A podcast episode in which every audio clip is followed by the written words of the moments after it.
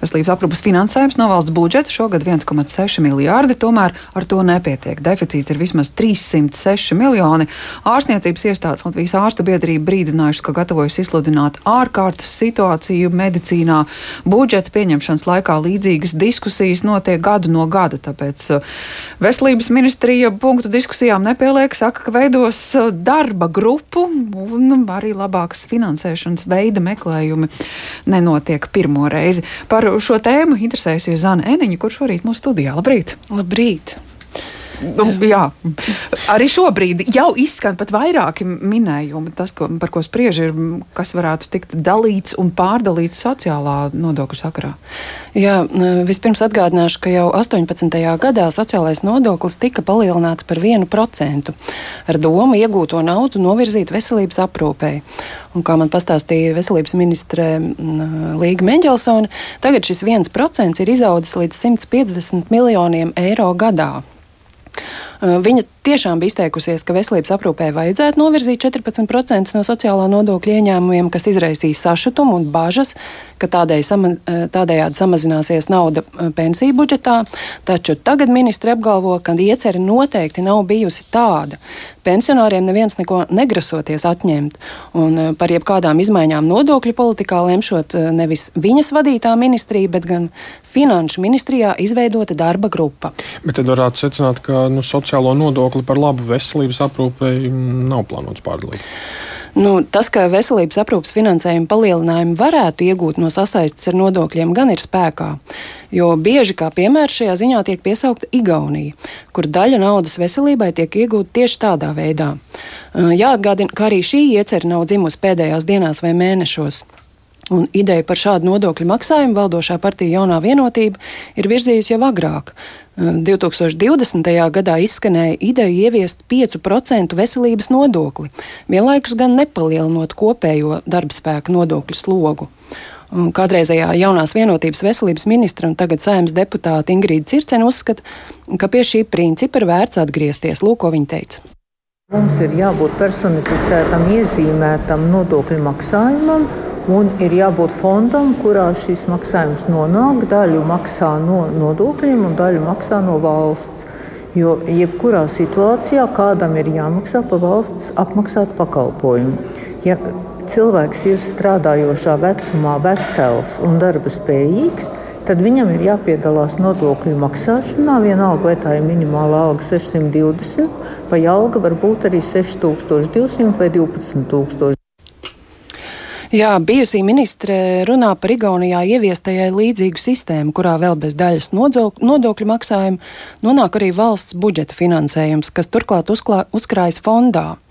Proti, finanšu gadā neizlietotā valsts budžeta daļa nevis atgriežas valsts kasē, bet gan uzkrājas veselības aprūpas rezerves fondā. Igaunijā šāda kārtība pastāv jau kopš 90. gadiem, vai mums vajadzīga līdzīga? Tas esot ekspertu jautājums, tā saka tagadējā veselības ministra Līga Mendelsone. Katrā ziņā Igaunijas sistēmu viņi vērtē pozitīvi, jo tā ne tikai nodrošina stabilu un augošu finansējumu, bet arī mazina ēnu ekonomiku un ir solidāra. Piedalās visi proporcionāli savām iespējām iespējām.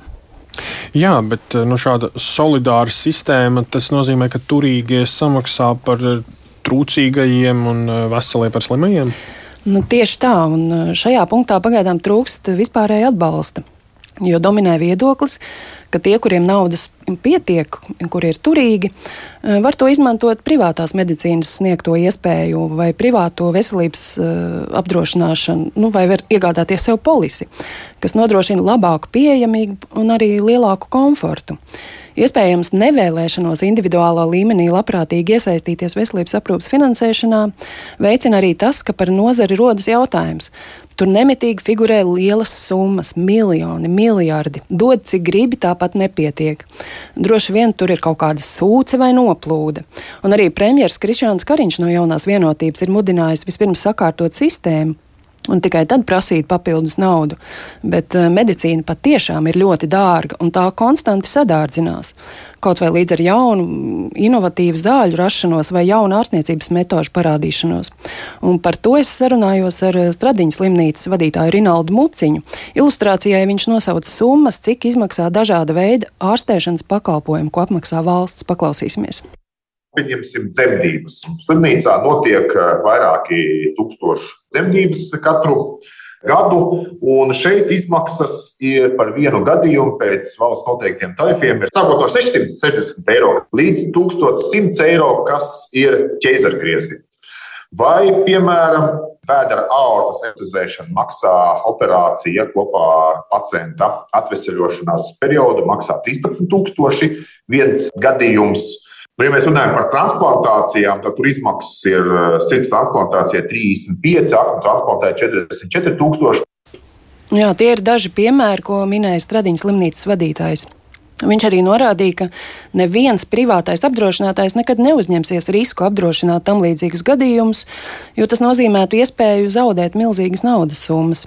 Tāpēc arī vissmalkāko veselības apdrošināšanas polišu īpašnieki lielā mērā tomēr ir atkarīgi no valsts finansētās veselības aprūpes, kas nodrošina ārstēšanu sarežģītos gadījumos, kā arī tad, ja ir retas slimības, lipīgas skaitas vai hroniskas slimības. Tātad tik tālu par solidaritāti. Pie kuras tad arī paliek liekam, nu, domājot par tādu veselības aprūpē mērķētu katra maksājumu, kas dotu to pietiekamo finansējumu, lai savukārt ārstiem medicīnas māsām nav jāsolidarizējas protestos? Nu, Ingrīda Zirdzena uzskata, ka tas ir jāievieš un ka tas darbosies, bet es runāju ar vēl vienu bijušo veselības ministru Ilzi Viņķeli no attīstībai par.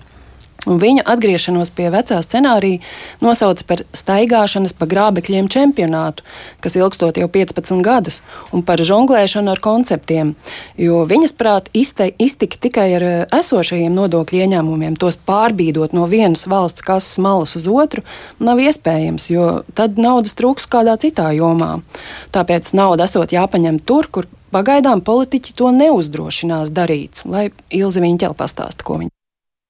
Eiropas komisija mums atkal un atkal un atkal atgādina par pozīcijām, kurās mēs esam saudzīgi. Nekustamā īpašuma nodoklis, kapitāla nodoklis, progresivitāte. Vienreiz ir arvien skaļāk jāsaka, ka šīs izvēles sargājot, mēs finansējam mazāk veselību un arī pensiju pietiekamību, neatbilstošo pietiekamību. Un tieši tādas tās izvēles ir. Ja mēs gribam būt salīdzinoši lēta zeme bagātiem cilvēkiem, tad veselībā mums vienmēr pietrūks. Punkts. Jā, arī Ilza Viņķēla runā par jau pieminēto solidaritāti, bet eh, jo kāpēc gan lai turīgie gribētu šķirties no daļas savu labumu, jo par to taču var atļauties privāto medicīnu. Taču arī Ilza Viņķēla norādīja, ka jebkuram var gadīties insults vai onkoloģiska slimība, ko privāta klinikā neārstēs, bet valsts finansētās iestādes nu pat jau vairs nezina, kā visu nodrošināt, jo naudas trūkst kritiskos apmēros.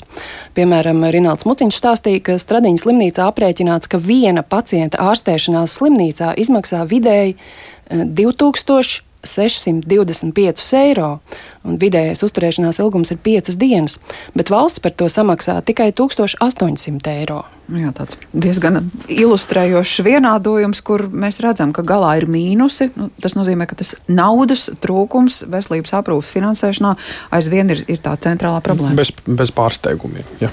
Nu jā, un tā tas ir jau gadiem, kad tās vajadzības nav samērojams ar iespējām. Un, uh, kā uzsvēra Ilza Viņķela, šī uh, ieilgusī sistēmas badināšana, naudas apriti uh, šajā sistēmā padara vēl neefektīvāku. To var salīdzināt ar cilvēku, kurš ir trūcīgs un tāpēc pērk savam auto octu ik mēnesi. Jo viņam konkrētajā brīdī trūkst naudas. Uh, kaut gan gada griezumā tas viņam izmaksā daudz dārgāk nekā polise veselam gadam. Un e, veselības aprūpē arī ir šāda nemitīga akūto tieši šobrīd neatliekamo izdevumu sekšana. Tāpēc neatliek līdzekļu nu, tādai pilnvērtīgai prevencijai un veselību pratības veicināšanai.